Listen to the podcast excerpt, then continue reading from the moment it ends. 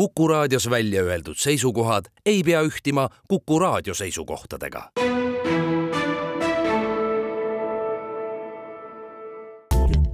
tähendused, teejuhid. tere, saate järjekord on sada kuuskümmend, et väike, väike juubel ja sellel puhul on, minijuubeli puhul on kolm külalist täna koguni eetris, seda ei ole väga tihti olnud, nii et hakkame siis sealt paremast äärest peale, üllatuskülaline Mihkel Kunnus, kelle me võtsime kaasa endale. trepilt. trepilt trepilt kaasa, aga kuna seega taotlus on umbes jäljendada mingit sellist kohvikulaua vestlust, siis see kuidagi sobis minu meelest selle ja millest sa ikka kohvikus räägid, kui Nietzsche'st. ja, ja, ja kohvikus on ikka, tuleb üks, äh, keegi lauda ja et äh, istu ja räägi ja nii, et äh, Mihkel siis kolmanda külalisena täna, aga oleme pikalt plaaninud saadet Siimuga, Siim Lillega, kes on, kes on siis täna teine külaline ja, ja Jaanus Sooveli. tervist oleme siis siin kolmekesi täna. Mihklit ma isegi ei kujuta ma ei mäleta, mitu korda sa oled käinud, et palju? sa oled käinud oma vaata, et ikkagi paarkümmend korda vist juba, et noh, sa alati on olnud äh, kedagi, keda on saanud kutsuda, kui sul see pere, pereolukord oli poiss, poissmehelikum, et siis oli seda lihtsam, lihtsam., siis oli lihtsam, nüüd on see keerulisem, aga Siim, Siim, vaatame ka järgi. mulle meeldib ka kohvikus käia, aga sellised Jungi 3D-d number kuuskümmend neli oli esimene saade. koos Mihkliga jah. ja, ja. sinus endas Kobra koos Joonas Nahkariga, see oli, see oli Krishnamurti ja Poomi vestlused, eks ole. Krishnamurti jah. või oli Krishnamurti? noh, Poom oli seal kõrval vist. jah, Krishna jah ja siis oli, olid, see oli üheksakümmend üheksa, siis olid sa kohe järgmises saates, mis on mul jäänud väga sooja, sooja mälestus sellest saatest, äh, Ernst Enno igatsus number sada. torti sai. torti sai just nimelt jah. ja sada kakskümmend kolm, üle aegade Assamalla, Peeti Alver ja siis oled sa käinud sada kolmkümmend kolm monoliitse mõtlemise miinused. millest me rääkisime, see Mihkliga olid jälle? Tarnas. Tarnas muidugi. Richard Tarnas. jaa, absoluutselt. kas raamat on? positiivismi kirjaline ei ole, aga ja. peaks olema, nüüd on ta pealkiri on Õhtumaa mõtteloo passioon. Tanel Pern on selles mõttes väga ilus, ma ise ei tulnud selle peale, et seda niimoodi tõlkida, aga. see on päris hea tõlge jah. väga hea, ma läksin kuidagi kire kaudu ja mm -hmm. sealt ei saanudki asja sellest, aga et see just passioon sinna tuua, see minu arust on nii hästi saanud sellele pihta et kui Tanel peaks meid kuulama, siis äh, kummardus talle selle eest. ja Jaanus, Jaanus on, peaks olema nüüd neljandat korda, kui ma õigesti mäletan. võimalik jah. sada kolmkümmend üks Apollonia ja Dionysose vahel, Mihkel Kunnus, Jaanus Sooveri, Nietzsche oli see. kui ma ei eksi, see oli täpselt Nietzsche sünnipäev. vist oli jah, vist oli jah, vist oli jah, jah, jah, me rääkisime siis 14. Äh, tragöödia sünnist, eks ole. väga oluline raamat. see oli Nietzsche esik. esikteos. esikteos, eks ole jah siis on Friedrich, Jordan ja Moirad, Mihkel Kunnus, Jaanus Soov oli taas mm. -hmm. seal oli siis Peterson ja Nietzsche.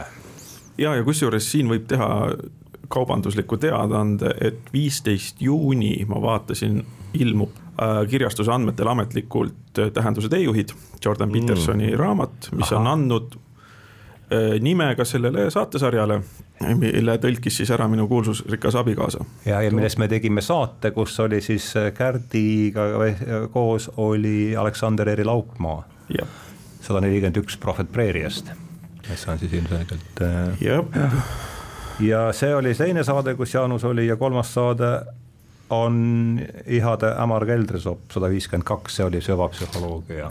ja kant süüvisime päris sügavale. jah, ja, ja see, eks need kõik saated kuidagi juba märgivad ära territooriumi, et täna äh, töö pealkiri sellel saatel võiks olla süvapsühholoogia ristiisa, nii et on, oleme siis tulnud siia selleks, et rääkida.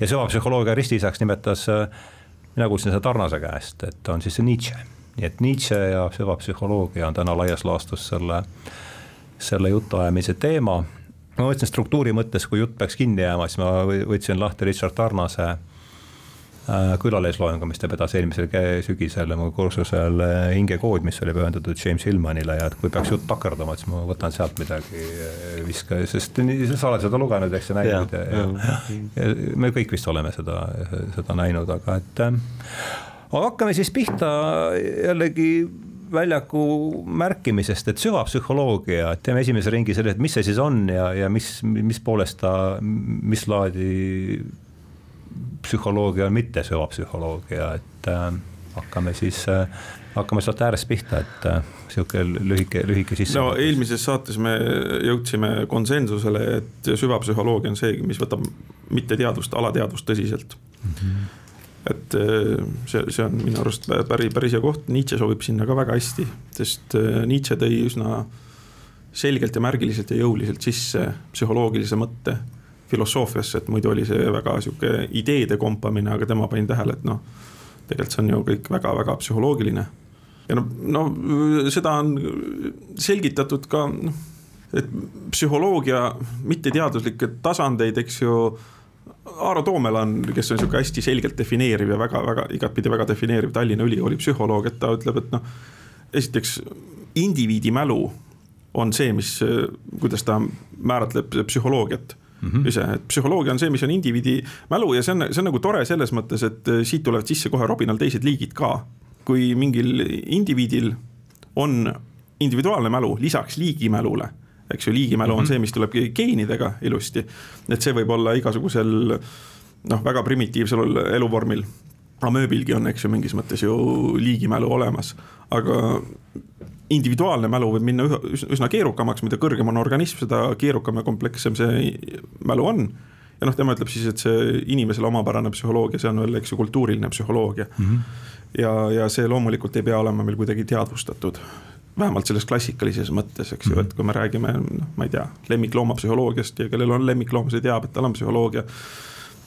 tal on tujud ja nii edasi, tal on kogemused, mälud, eks ju, ja, ja kõik see toimib ja tal on psüühe kindlasti mm -hmm. olemas, eks. et see ei pea olema kuidagi mingi ideeline või artikuleeritud või noh, ma vaatan praegu oma päris, päris väikseid lapsi, eks ju, kes ei räägi isegi veel, aga juba jonnivad ja möllavad ja teevad ja planeerivad ilmselgelt, et ma vaatan, see üheaastane juba võtab kivikese ja hakkab minema vanni poole, sest tal on see plaan see kivike ära uputada mm. -hmm. et ilmselgelt tal mingi tegevus seal peas käib ja planeerimine ja mm. -hmm. ja siis, kui takistab, siis jonnib ja nii et süvapsühholoogia võtab tõsiselt alateadvust, on see, mis ma siin praegu, praegu, praegu kirja sai, et äh, Siim, kas sa tahad midagi? nii kui me hakkame nüüd vaidlema, kas on alateadus või või kuidas neid mõisteid defineerida. minu jaoks võib-olla üks oluline osa sellest on, et see on võib-olla siis selline läänelik tagasitulek eh, selle juurde, mis on võib-olla mujal maailmas olnud kogu aeg enesestmõistetav, et mm -hmm. unenäod on olulised, et, et ongi mingid teadvustamatud protsessid millele pööratakse tähelepanu, sihuke sisekaemuslik, et hästi kaua lasime nagu sellise välise peal liugu ja siis järsku inimesed eks nad on kogu aeg muidugi märganud, aga kuidagi laiemalt jälle hakkasid aru saama, et, et võib-olla peaks sissepoole vaatama ka. ja, ja noh, religiooni uurijana muidugi ta avab väga palju neid erinevaid perspektiive, et kui me Nietzsche'st räägime, siis just see perspektiivi küsimus. ja teine asi, mis võib-olla süvapsühholoogia puhul on oluline, et ta võtab, võtab tõsiselt, taaskord võtab sellist võib-olla varju poolt või kurjuse poolt või, või mm -hmm. kuidas iganes sa seda nimetad. et see on võrdväärne partner sellele teisele heledale poolele, mis jälle Nietzschega läheb väga hästi kokku. mis võib-olla lähtudes kõigepealt siis sellisest kristlikust äh, mainstream suunast ja, ja hiljem sellisest positiivismist, et, et võib-olla on ka tähelepanuta jäänud. et ühelt poolt jah, siis kõik kogu see teadvustamatus, eriti just see unenägude mm. -hmm maailm ja teiselt poolt jällegi see teadvustamatuse varjupool, mida ma võib-olla ei taha, taha, taha tunnistada igapäevaselt. jah, et ma olen nagu eelkõnelejatega täiesti nõus, et, et võib-olla tasub veel noh, võib veel lisada, et et see süvapsühholoogia mingis mõttes on ka selline reaktsioon nagu valgustuslikule mõtlemisele, mis nagu mhm. just rõhutas seda ratsionaalsust, eks ole, ja ja teadvuse sellist läbipaistvust, eks ole ja noh, sellise noh, selline valgustuslik mõtlemine muidugi oli nagu erakordselt nagu mõjuvõimas. Ja tegelikult kuni siiamaani on sellel teatav vastuseis, et või noh, alateadvuse olemasolu tunnistamisel on siiamaani teatav vastuseis, noh mingites filosoofia harudes või mingi noh, võtame kasvõi sellesama empiirilise psühholoogia, eks ole, mis just erineb süvapsühholoogiast see on see, siis joon või joonlauapsühholoogia midagi sellist, et kui just, joonlaua alla ei jää, siis pole olemas. statistika ja nii edasi. ja see, ja noh, see vastuseis on ka selles mõttes mõistetav, et ega seda alateadvust ei ole nagu nii kerge äh, nagu tajuda, kogeda, näha, et tegelikult on teaduslikult nagu, käsitleda. just nimelt, just nimelt, sest ta on just see, mis on nagu väljaspool teadvust või, või kuskil teadvuse all või, või teispool teadvust või äh,, või teadvustamata. ja, ja kuna ta on teadvustamata, siis ongi talle nagu hästi raske ligi pääseda ja seetõttu nagu siiamaani tegelikult kohtab sellist vastuseisu. et, et paljud suunad, noh, eriti filosoofias ei taha tunnistada selle olemasolu tegelikult. aga, ja, ja noh, Jung muidugi ja noh, muidugi on mõned viisid, eks ole, mille kaudu see ennast nagu märku annab. ja kõige üks olulisemaid on muidugi unenäod mm, -hmm. et unenäod on see, noh, Jungi järgi eelkõige, aga ka Nietzsche, aga ka Freudi, et unenäod on see, kus nagu alateadvus kõneleb meiega või annab meile noh, midagi teada eks ole. sümbolite ja kujundite kaudu. sümbolite ja kujundite visuaalse kaudu. asja kaudu tihti, jah. ja uni pidi olema surmavend ma kuskilt ja, ja asja, ma ei mäleta, kes see seda, kes see seda, kus ma seda hiljuti noppisin selle lause üles, see avas mulle natuke seda. Aga ta on ka eluvend, ta on, ta on, ta on nii surma kui eluvend, selles mõttes, et ta, ta on ka selline kreatiivsuse nagu allikas, et, et. no seda me võtame just ka enesestmõistetavalt, et ta on eluvend, aga et ta jah, jah, see on see vahe, see limbo. ja, ja kui tuua üks, üks aktuaalne näide, mis mul on nagu hiljutise avaliku debatiga, eks ju, praegu on käinud, ütleme siis markeerime see ära, juuni algus kaks tuhat kakskümmend kaks. Iibedebatt, eks ju, miks lapsi saadakse ja noh, minu arust on nagu, see on lausa skandaalselt või naeruväärselt või lihtsalt totruseni lollakas, eks ju, kui sa mõtled, et miks näiteks kellelgi pole lapsi, et sa näiteks helistad ja küsid talle. ja siis sa, siis sa saad mingi adekvaatse vastuse. mille saab näiteks, Excelisse panna siis? küsid inimese käest, et noh, näiteks miks ta on üksi, miks tal pole kaaslast eriti kui sa küsid seda formaalselt, mõtled, et sa saad sealt mingi, mingi natukenegi õige vastuse, eks ju. selleks, et sealt inimene kuidagi päris tuumani jõuda, miks tal tegelikult ei ole näiteks kaaslast see peab olema usalduslik suhe, väga hästi artikuleeritud, eks ju. võib-olla peab, ma ei tea, kaks kuud käima mingi hea psühholoogiga looma hea suhte, et saamata selle asjale pihta.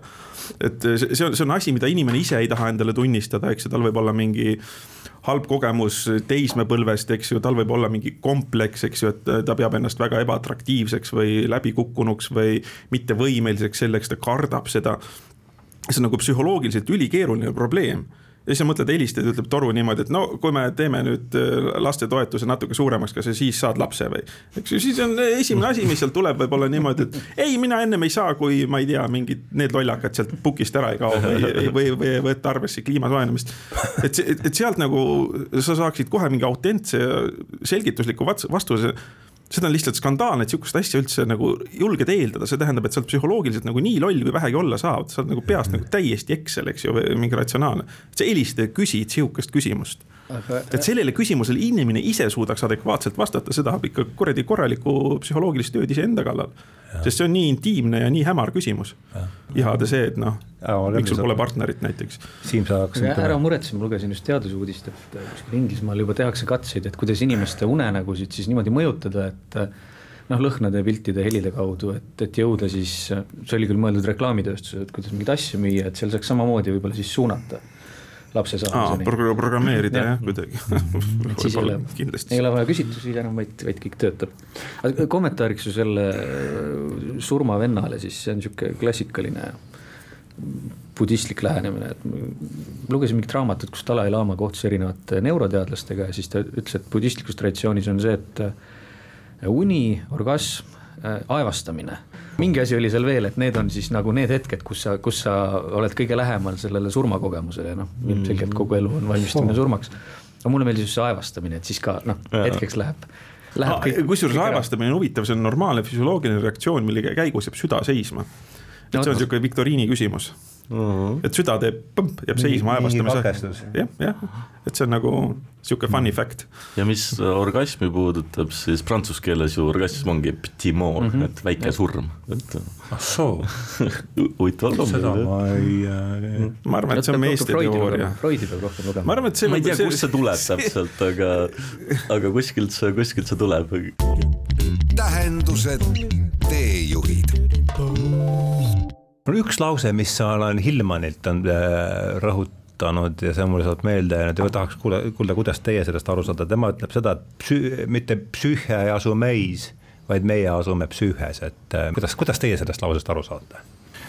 ma võin alustada selles mõttes, et, äh, et Jung teeb nagu äh, vahet ego ja ise vahel. nii, nii, aga anna siin ka palun seda juurde. jah, et ego ongi selline. see on nüüd Jungi eristus. see on nüüd Jung, seda eristust teevad ka paljud teised mm. -hmm. aga sa mainisid Jungi praegu. ma praegu mainisin praegu Jungi jah, aga seda erist-, sedasama eristust teevad ka väga paljud teised mm. -hmm. ühesõnaga, ego on selline teadlik Äh, teadvusel olev ratsionaalne subjekt, ütleme nii. ja nüüd ise on see, mis hõlmab nii seda egot, ehk siis seda ütleme, intentio-, intentsionaalset subjekti, kui ka äh, seda alateadvust, ühesõnaga ise on nagu kogu, kogu see isiksus, nii. hõlmates nii tead-, teadvuslikku kui ka alateadvuslikku, see oleks ise. ego on siis ise alamhulk kui me äh, Venni diagrammina võtame. jah, täpselt, täpselt mm -hmm. nii, täpselt nii. ja nüüd psüühe muidugi on, äh, on selles mõttes nagu selle iseenda energia, ütleme, et, et psüü-, et, et, et -hmm. et see ise koosnebki noh, see, selle vaimne pool koosnebki psüühest, ütleme see on Jungi arusaamine? see on Jungi arusaamine umbes jah. sellega on ka see, et Jung äh, ühes kohas nagu jah, kirjeldab ühtmoodi, teist teistmoodi, võib-olla need hilisemad õpilased, Ester Harding on kirjutanud mm. raamatut sellest. Ester Harding. minu arust on Ester Harding jah mm., et nagu need, kes nagu selle nagu hästi niimoodi ilusti mudelitesse asjadesse pannud on, on, on võib-olla Jungi õpilased pigem, aga jah mm aga see Jung annab jah, nagu, nagu ja. rohkem nagu selliseid, või noh, ütleb siin, eks ole, või noh, kirjeldab siin natuke, siis teisel, mujal natuke, eks ole. ta teeb pildikesi, mitte süsteeme, eks ju ja eks Freudi asi tuleb ju sisse kohe, see. ja, ja, ja ego ja superego ja, ja id ja täpselt. ma just lugesin huvitavat äh, analüüsi, et kui võtta Nietzsche kõrvale kohe Zarathustra ja ta alustab kohe kõnesid, algab selle kolme moodusega, et vaim alguses on siis kaameliks, on ju, moondub kaamelist äh, lõviks ja lõvist lapseks, et siis keegi oli just äh, kaamel, lõvi ja laps jah, et ju kelle teekond see oli nüüd? see on Nietzsche Zarathustra kohe päris alguses esimene kõne isegi kõnede alguses vist. ja, ja siis. ei, aga kelle, sealt see tuleb, aga kelle tee, oli see hingeteekond või? Ka, ka mis see kaamel lõvi? see on selline, ütleme, saamise teekond. saamise teekond pigem jah ja. ja siis keegi just võrdsustas seda, et võrdsustas kaamelit siis äh, nagu sellise superegoga, lihtsustatult sellise ühiskondliku teadvustamatusega, mis meid nagu haarab, siis tuleb lõvi ehk siis äh, see id, kes seal vahepeal on, on ju see, see, mis Jungil on siis võib-olla siis äh, ego tipp on ju seal selles ises. Mm -hmm.. ehk siis, kes teeb nagu teadlikke otsuseid, aga kes ei ole veel päris vaba ja siis on see laps on ju, mis on siis Freudil äh, on, äh, mis ta nüüd on, superego. ego, id ego. Ja jah, tähendab ego on lõvi ja siis Aha. id on siis see laps on ju, et sihuke tohutu vabadus ja kus need tungid ja ihad on, aga seda võib muidugi edasi arendada. Mm. -hmm. aga siin võib-olla võiks kohe ära öelda, et kui me räägime Jungist, Freudist, Nietzsche'st, äh, siis minu meelest et äh, nagu Nietzschega on, et igaühe jaoks on eraldi Nietzsche või et kui Freud ütleb seda, et ta ei ole Nietzsche't lugenud, rõhutab seda kogu aeg igal pool. Jung kirjutab ka, et Freud ütles alati, mina ei ole Nietzsche't lugenud, inimesed, kes on uurinud seda, tegelikult on näidanud seda, et tegelikult nooruses oli väga kirglik Nietzsche lugeja. aga kuna need mingid teooriad väga kattuvad ja Freudi sihuke kerge egomaniaklus ja, ja, ja ta tahtis olla see uue teooria tooja, siis ta hilisemas elus kogu aeg ütleb, mina ei ole lugenud, ma meelega ei lugenud, et mitte segada mm. -hmm. aga noh, on näha, et on need. Äh, ka Freudil oli psühholoogia, võime siin öelda no. mis, mis pani teda eitama näiteks. ja, ja kui Jung jälle võtta, siis Jung on jälle väga vaimustatud Nietzsche'st, aga tema loeb jälle Nietzsche't läbi puhtalt oma kogemuse prisma. mis on hästi palju küsitavusi jälle tekitanud mm, -hmm. et tal on see suur kaheköiteline äh, Zarathustra kommentaarid kolmkümmend neli kuni kolmkümmend üheksa vist paralleelselt, kui Heidegger pidas äh, Nietzsche. ta tegi kogu aeg, iga aasta tegi kursust vist sellest. tal oli erinevad kursused, aga Nietzsche oli jah, ma ei tea, kas seal vahepeal oli mingi paus ka. ja kui see nüüd ilmus äh, täismahus mingi kaheksakümnendate aastate lõpus, siis keegi ei saanud aru, et mis toimub, et mm -hmm. kuidas, kuidas sihuke tõlgendus, et inimene, kes on Nietzschega väga kursis, et kuidas ta sihukese tõlgenduseni jõuab noh, tema tõlgendus oli see, et Zarathustra on siis äh,, esiteks Nietzsche on sihukese vana targa mehe arhetüübi kehastus Zarathustra kaudu ja see on nagu kohtumine alateadvusega ja sealt tuleb hästi, noh hästi sihuke detailne analüüs, aga et nii palju küsitavusi tekkis, et siis, aga Jung puhtalt loeb läbi oma kogemuse seda mm. -hmm. et kui me kõik need teooriad, asjad, alati kellelgi on oma, oma Nietzsche mm. -hmm. No. jah, täiesti, täiesti nõus selles mõttes, et, et Freud tõesti äh,, ta on tõesti öelnud umbes, umbes niimoodi, et äh, et ta ei tah-, et ta meelega ei lugenud mm -hmm. Nietzsche't, sest ta aimas, et sarnasused või et, et, et ta on nagu liiga sugu, liiga lähedalt äh, sugulusvaim talle Aha. endale. ühesõnaga, et, et ta meelega nagu vältis Nietzsche lugemist, aga kui noh, tõesti vaadata nagu Freudi teoseid, siis äh, need mõjud, noh, need sarnasused on natuke nagu paralleelid on liiga suured. et, et, et öelda, et ta ei ole Nietzsche't lugenud, et ta mm. tõenäoliselt oli Nietzsche't. noh, kultuuriliselt on nagunii olemas, aga lihtsalt ja. on mingid kirjakohad tema ja, kirjadest maalt välja toodud, on näha, et ta tegelikult on ja päris, päris ja. ikkagi vaimustunud. aga Jung nagu oli muidugi väga kirglik Nietzsche lugeja, et nad ju, Jung õppis ju Baselis meditsiini kus Nietzsche oli hiljuti olnud selles mõttes ja ta noh, Nietzsche kohta liikusid sellised linnalegendid, mhm. millega Jung oli, oli tuttav selles mõttes ja algusest nagu noh, oli natuke nagu ära kohutatud, et noh, et ikkagi noh, need jutud ei olnud sageli nagu kõige paremad Nietzsche suhtes või noh, kõige nagu sõbralikumad. aga siis ta ikkagi ühel hetkel võttis Nietzsche enda kätte, hakkas teda lugema ja muidugi noh, siis see jäigi teda saatma nagu kogu, kogu, kogu eluks, et võtame korraks veel seesama küsimus Mihklile ka, et see, et me mitte psüühe ei ela meis, vaid äh, me, me elame psüühes, kuidas sina sellest aru saad? no eks ju siin on see, et mis, mis on, mis on mina, kuidas me seda mina ja, või meid, meid, meid määratleme, et noh, võib-olla sihuke valgustuslik traditsioon või valgustuslik harjumus on määratleda, et mina olen see, kes, kes hoiab lampi mm. -hmm. ja, ja, ja noh näiteks see ka, et noh, see mehelik, et mees peab oma tundeid vaos hoidma, eks ju, ja mõistus valitseb kõike, see on ju sihuke. ma ei tea Pla, Platoni kanti kaanon võib-olla ilukirjanduslikult väljendudes, et eh, noh, et mees inimene peab oma mõistust, mõistuslikult oma tundeid vaos hoidma ja nii edasi, aga noh, kui me vaatame psühholoogia pealt, siis on see üsna selgelt vastupidi. et meie teadvus on suures psüühilises supis üks jää, jäämäe, jäämäe tipukene. ja, ja selles mõttes me oleme mm. -hmm. et psüühe on vanem kui meie ja ta on suurem kui meie alati. mis võib tähistada, tähestada ka kõiki neid kihistusi, eks ole. ja, ja siin, sinna alla välja ja minu arust. All no, the way down. see, kuidas Jung ütleb äh, kostmises Hiobile, eks ju, et äh, minu arust see on väga-väga hästi öeldud, et äh, me ei saa eristada alateadvuse häält ja jumala häält Mm -hmm. eks ju, et, et see, kui me vaatame kogu seda teoloogilist traditsiooni, et noh, kui me vaatame seda läbi psüh-, psühholoogilise prisma, mitte läbi sihukese Äh, ratsionalistlikku valgustusfilosoofia, et noh, see oli sihuke pime keskaeg, me ei saanud aru, mis me tegime, teadus polnud veel korralikult arenenud, ajasime seal mingit veidr, veidrat jaburust, aga kui me vaatame läbi psühholoogilise prisma, oli see, et milli-, milliste psüühiliste protsesside artikulatsioon see on, mida me nimetame keskaja filosoofiaks. Ja noh, mulle meeldib, kuidas Marju Lepajärv rõhutas seda, et, et noh, kui me loeme kesk, keskaegseid noh, näiteks kasvõi kirikuisasid, et seal on see et see on nagu sihuke psüühiline süvaanalüüs mingis mõttes hingest, me, see sõnavara on küll natuke võõras, eks ju, ta on meile harjumatu, see sihuke sõnavara on nii teoloogiline. aga kui me vaatame noh, kasvõi William Jamesi läbi, eks, et mis see teoloogia kunagi on olnud, et see ongi üks äh, psüühika artikulatsioone mingis mõttes ja, ja selles mõttes on ta tõesti meist määramatult suurem. määramatult suurem, määramatult vanem ja kui me vaatame ka läbi noh, evolutsioonipsühholoogia, siis tundub see isegi ilmne see, et äh, kuna me, meie keha mäletab nii tohutult palju ja ainult äh, murdosa tuleb sellest äh, teadvusesse mm. -hmm. keha mäletab igasuguseid reaktsioone, eks ju, selles mõttes noh, foobiad või sihukesed näited, et noh, keha, keha teab, et keha teab, et tuleb karta ämblikku.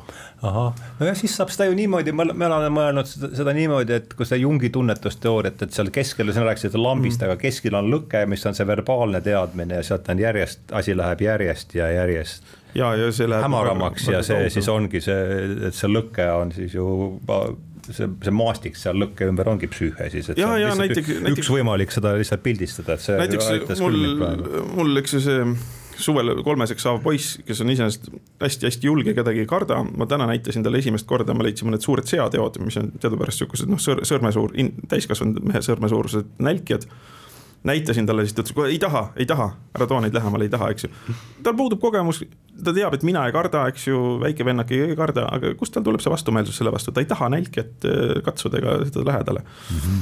et noh, jälle keha mäletab, eks ju mm, -hmm. meie kehas on hästi-hästi palju igasuguseid reaktsioone, kaasa arvatud psüühilisi, igasuguseid selliseid ja võib-olla üks huvitav äh, tähelepanek äh, Nietzschega seoses, noh, Toomas Mannil oli ta väga oluline, eks ju, samamoodi on, äh, mille ma võib-olla viskaksin sihukese tähendamissõnana, vaid niimoodi.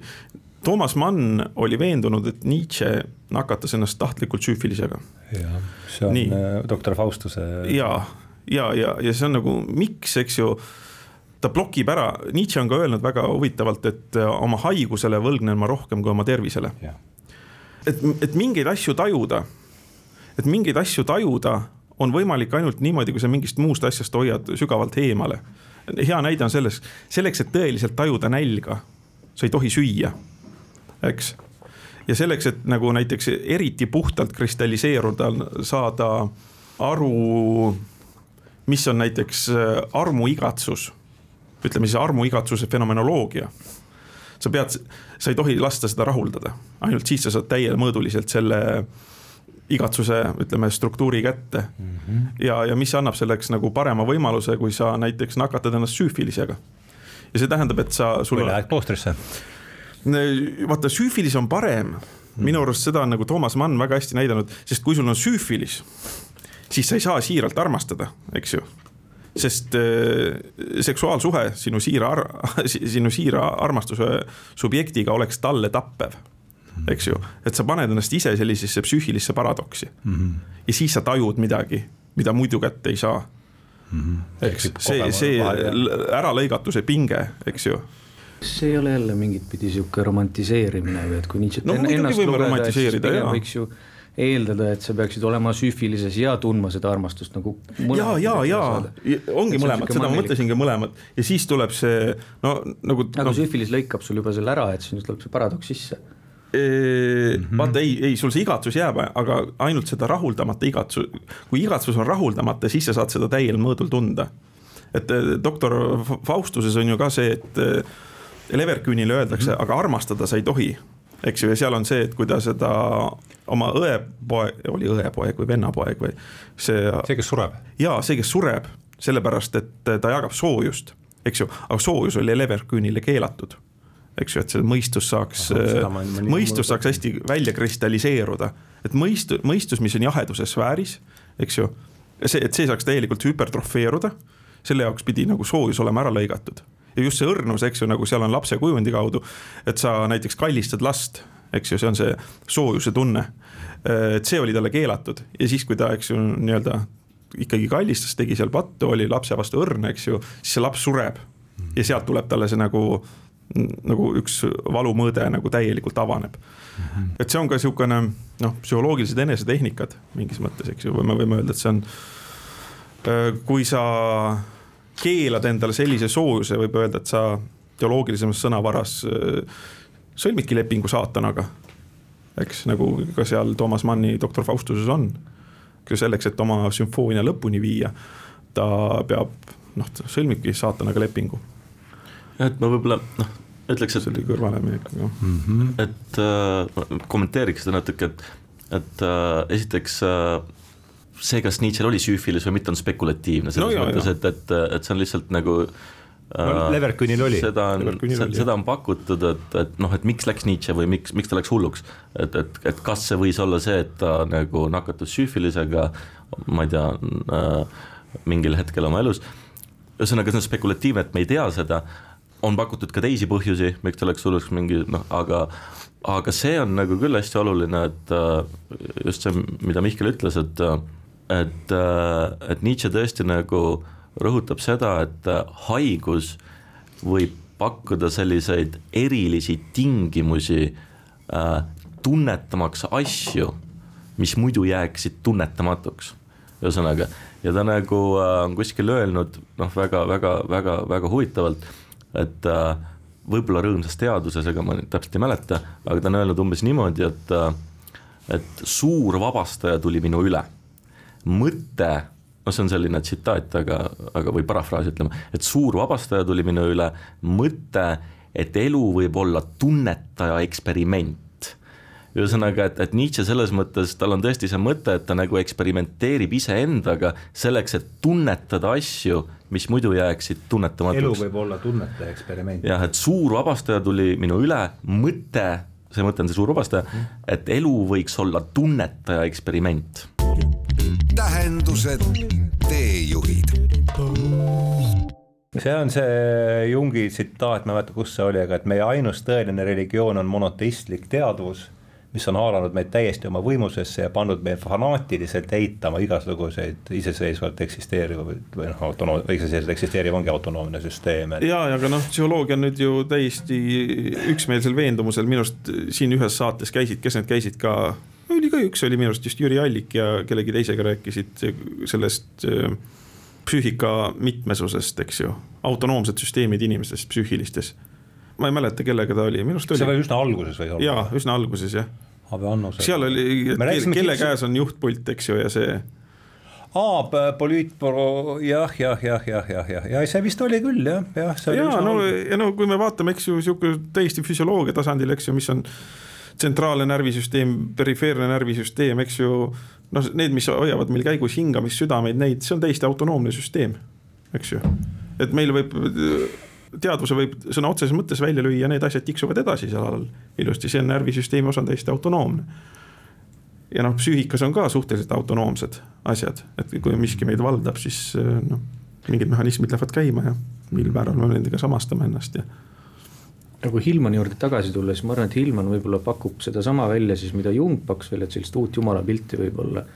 et just nende noh, tal on ka erinevaid jumalad, keda ta siis käsitleb erinevates raamatutes ja. Helmen on polüteist. jah, ja täpselt, et ta pakub siis võib-olla sellist äh, polüteistlikku jumala pilti, on ju, samal ajal äh, rääkides nendest jumalatest kui arhetüüpidest, on ju, mitte kui noh. mida ma tean, osad polüteistid, kes kummardavad teatavaid Kreeka jumalaid on ka väga kõvasti ette heitnud, et, et nende jumalatele tehakse liiga ja psühhologiseeritakse on praktiseerivaid äh, jumala kummardajaid ikkagi mm -hmm. tänapäeval ka mul tuleb meelde John Gray ka see, et tema sel tol hetkel, kui ma seda kuulsin, meeldis, mõjus silmi avavalt seda küll mitu aastat tagasi, et kui kree, ütlesid kreeklasele, et ma ei usu jumalat. et siis järgmine küsimus on, et, et millist jumalat sa ei usu mm. -hmm. et see, et see polüteismi ja, ja monoteismi see, ikka seesama no, eelmises saates, mis ma täna salvestasin, käis see jälle läbi see Shelderichi lause, mis mingil põhjusel omal ajal väga jällegi paelus, et me oleme sügavas kriisis, sest meie kaks fundamentaalset reaalsusmudelit on, ujuvad kokkupõrkekursil, seesama siis Jeruusalemm ja, ja, ja Ateena ja, ja noh, seesama siis monoteism ja. no Nietzsche, Nietzsche kaudu on ju tegelikult, ma ütlen Eestiski Asso Krull praegu ja ja see Descola raamat, mis just ilmus. ja sellest me rääkisime ka. ütle see Descola raamatu nimi veel palun. loodus ja kultuur. sealpool loodust ja kultuuri, või siis, või siis Asso küll ei tahtnud tõlkida, aga kui Nietzsche'le paralleelis teispool loodust ja kultuuri, no teispool head ja kurja mm. -hmm ja, ja sinagi oled ju kirjutanud sellist nii-öelda soome-ugrilikust maailma nägemisest mm -hmm. võib-olla, et, mhm. et just see on selline võib-olla siis alternatiiv. see ei olnud teispool, mis see sõna oli siis? sealpool, sealpool, eesti keeles tõlgitud jah et sihuke perspektiivide paljusus tagasi tuua, alternatiive juurde tuua mm. -hmm. no mingis mõttes on see ju postmodernismi selline võtame sellest parema, mitte halvema. just, et see on ju jah, et postmodern jällegi nii, nii vähe, kui mina sellest aru saan, on see üks postmodernismi sihuke asi. see perspektiivide paljususe tagasitulek. no, no Nietzsche tõigi need sisse perspektiivismi, vot jõudsime Nietzsche, Nietzsche juurde jälle jah, aga sina vist ütlesid seda, et ta tahab, Nietzsche tahab teha metafüüsikaga üks-null ja te kõik noogutasite selle peale, et on... Äh, teeme sellele mõttele ka ringi peale et.... nii on äh, jah, aga, aga miks ja kuidas kes tahab äh, teha no, otsa lahti? Jaanus vast on siin. mis metafüüsika on üldse mm, -hmm. et et see on nagu noh, metafüüsika, noh, kui me vaatame kreeka keeles, siis see on nagu see, mis on üle füüsika mm. -hmm. või teistpidi. see on Aristo-, Aristotelese kataloogi, kataloogi keelest. just, äh, ühesõnaga ta on midagi, mida ei saa nagu äh, meeleliselt, empiiriliselt äh, kindlaks teha mm -hmm., ühesõnaga ja, ja tüüpiliselt metafüüsika kõneleb mingisugustest algsetest esimestest printsiipidest eks ole, mis on siis aluseks kogu olevale. Ja no üks selliseid printsiipe, põhiprintsiip, ütleme õhtumaades kindlasti ja on muidugi Jumal, et Jumal on, on selline metafüüsiline printsiip, mis on loonud oleva, eks ole, või noh. ja okay,, ja yeah., ja, ja, ja kõik läheb sinna tagasi, nii. ja nüüd, kui me ma ei tea, muutle, muutume selle printsiibi suhtes või kui me muutume üldse sellise, sellist laadi mõtlemise suhtes nagu kahtlevaks, ühesõnaga, kui me ei taha postuleerida mingisuguseid esimesi põhjusi, kui me ei taha postuleerida mingisuguseid nähtamatuid printsiipe, millele kõik läheb tagasi, siis me võime öelda, et me ei taha tegeleda metafüüsikaga. ja, ja Nietzsche ja noh, teadus ilmselgelt ei noh, üldjuhul ei, ei seedi metafüüsikat, eks ole, sest see on tõestamatu. Nietzsche't ju samuti positiivistiks ei saa teda ju ometi nimetada või? täpselt, siin, vot see ongi nagu see, et, et, et tal on, temas on kindlasti väga palju positiivistlikke elemente, nii nagu näiteks pragmatismis ja noh, Nietzsche pragmatism, aga noh, loomulikult ta samas äh, nagu mingites aspektides ta on nagu positiivismist nii kaugel, kui üldse olla saab. sest, sest psühholoogia üks, üks asi on psühholoogia, üks asi on psühholoogia mm., aga teine asi on see, et, et ta nagu juhib tähelepanu sellele, et mis muutub muidugi postmodernismis erakordselt oluliseks, et kui me võtame mis tahes fakti, siis tegelikult iga fakt on nii paljudel eri viisidel tõlgendatav. ühesõnaga, kui teadus väidab, et ta teab midagi kindlalt, siis ta tegelikult see, see ise on juba metafüüsiline eeldus et, et ta suudab midagi ja. kindlalt üldse teada, et selles mõttes Nietzsche vaates on teadus ise metafüüsika, Nietzsche vaates on positiivism metafüüsika, et selles mõttes ta läheb palju kaugemale teaduslikust metafüüsika kriitikast. et teadusel on üldse metafüüsilised täpselt, alused all. täpselt, Nietzsche osutab sellele, et teadusel on metafüüsilised alused. enne kui me läheme aatomit lõhkuma, võiks äh, täpselt neid aluseid, täpselt. Neid aluseid teada, et need alused on vähemasti olemas, eks. täpselt, täpselt. see on mulle täiesti arusaadav jutt Siim, tahad sa midagi no see on mõnes mõttes ka sihuke psühhoteraapiline protsess, et ma ei tea, selleks, et midagi uut peale ehitada, kõigepealt pead tunnistama, mis seal all on ja siis lõhud selle täielikult maha, on ju, see on niisugune radikaalne psühhoteraapia, võiks öelda, et mm. -hmm. et hakkad uut maja ehitama, siis sa ei jäta isegi vundamenti. mulle tundub, et Jung võib-olla kasutab ka näiteks teda selle, sellisena mõnes mõttes ja, ja, ja, ja, ja Freud samamoodi ja paljud teised.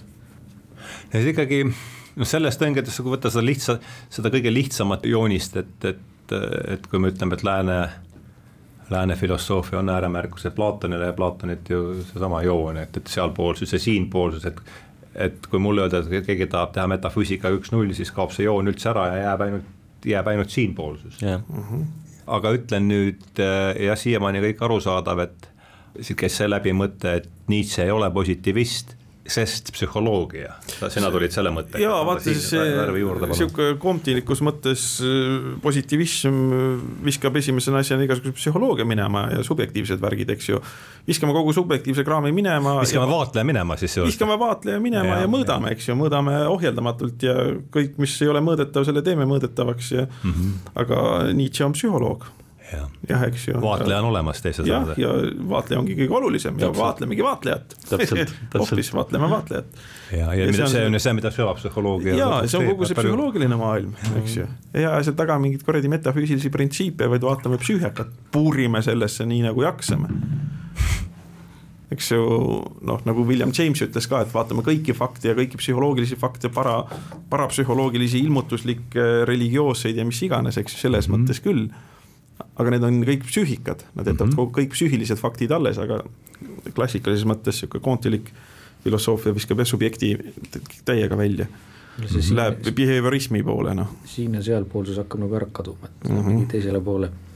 jaa äh,, aga nüüd on see vaatleja aspekt kaasaegse filosoofia ajalugu võib pidada füüsika ja psühholoogia vahelise vastasseisu ajalooks, Will Durant äh,, et mis äh, nii on tundub küll jah, ma ja mulle tundub, mulle tundub ka, et nii on, et noh, täpselt siia, siia selle arutelu, aruteluga me siia jõudsime, aga, aga.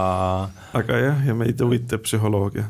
seda arutelu tegelikult peaks jätkama veel kellegi teisega ja sest me rääkisime psühholoogia algusest, aga sel noh, sellest on ka nüüd üle saja aasta möödas, et need jooned ja noh, Ilman on üks ainult nendest, aga neid variante on väga palju, et muidu võib-olla jääbki mulje, et Freud ja Jung ja noh, nad on nii suured kujud, aga, aga tegelikult kõik see, mis on hiljem tulnud, et.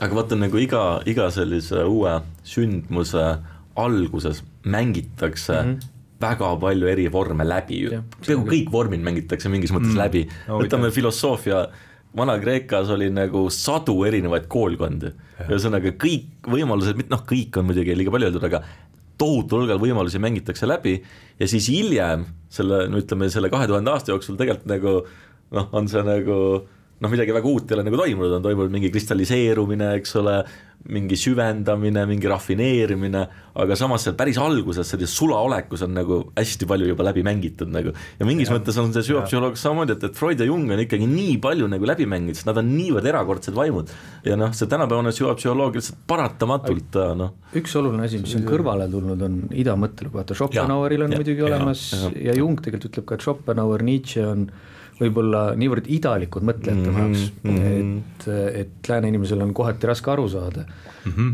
nüüd sada aastat hiljem, ma mõtlengi Eesti kontekstis, mida Margus Ott ja teised üritavad nagu ka teha, et mm, -hmm. et, et see ei ole lääne monoliit tegelikult. see on hea point, aga see on tõesti, Schopenhaueril on see väga tugevalt juba ja. olemas, sest ta aga no, mis, mida Nietzschega minu arust materdab tegelikult ja. seda tema sellist kuigi ka Nietzsche noh, oli budismist väga huvitatud mm -hmm. selles mõttes, aga ta jah, ikkagi pidas ka budismi nihilismiks tegelikult mm. -hmm. aga et veel Jungil on ka, et see, mis temani nagu need idatekstid jõuavad, need on hästi tugevalt sihuke teosoofilise lääneliku maiguga, et, et nüüd võib-olla sada aastat hiljem tegelikult on palju huvitavamaid mitte palju huvitavaid, aga noh, väga palju mm. uusi selliseid teid. mis oleks mõtleja, keda see, kes sulle pakuks huvi, keda, kellest võiks ütleme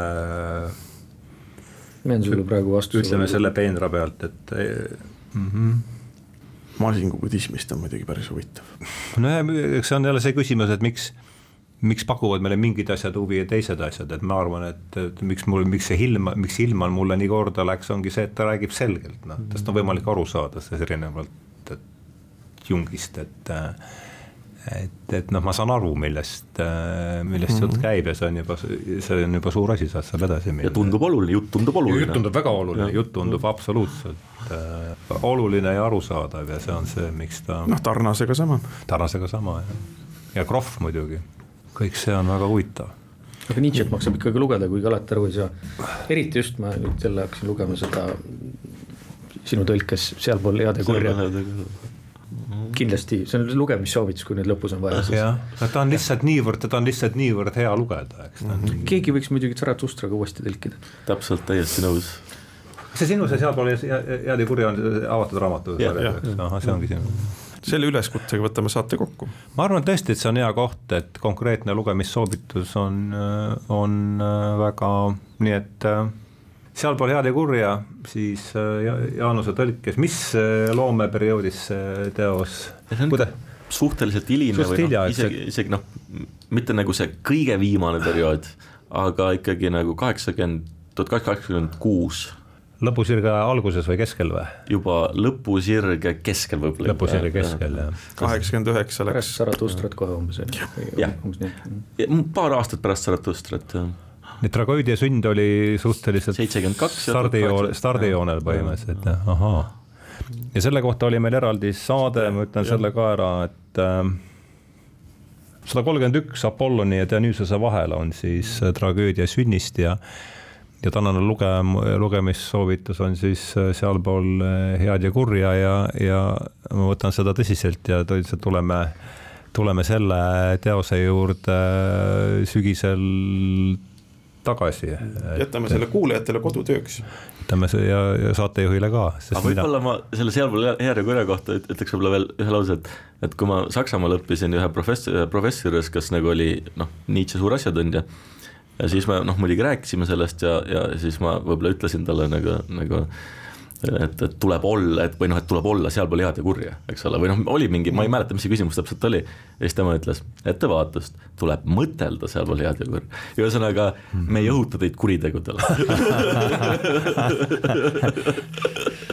ma helistasin sulle veel, ma mäletan seda kõnet, aga kustkohast on pärit see küsimus, et kuidas saadakse selleks, kes ollakse äh,? see on Eke oma ah,. see oli Eke oma. see on isegi jah. raamatu alapealkiri. ja just, just, just, just ja Eke oma, mis aastast? vot see on päris lõpp juba. see on päris lõpp, see on Vinis, see on Vinissi lõpu, lõpu, lõpuruudustikus siis jah. kommenteerib oma teoseid ja justkui mm -hmm. nagu aimaks, et kohe läheb hämaraks. kohe läheb looju täpselt lõppes ta siis kaheksakümmend üheksa lõppes tema vaimne siinolek, kolmas jaanuar vist oli või? no vot siis jah, ei, ei ei ütle ka. ei, lihtsalt, et äh, klaverit veel mängis. klaverit veel mängis. Mhm. kuulge, aga ei jõua teid ju jälle ära tänada selle eest, et tulid, äh, tulid võtsite vaevaks äh, tulla siia mm, harima mind kaheks, mind ja, ja saatekuulajaid, et, et neid meil natuke nüüd ikka on ja. ja et aitäh teile, aitäh, Jaanus, aitäh, Siim, aitäh, Mihkel, et väga huvitav oli teiega vestelda ja sai siin õige mitu paar lehekülge märk, märkmeid tehtud ja, ja on jälle plaan, kuidas edasi minna, tuleb sealpool, see on mul kodus, kodus olemas ka. Ja praegu on õnneks ka natuke aega lugeda, et äh, aitäh teile veel kord ja tõmbame siis äh, tänasele vestlusele äh, juti alla. Ja lähme, saame osa suvest, mis on lõpuks tundub mingis vormis kohale jõudnud, et head õhtut. aitäh, nägemist. tähendused, teejuhid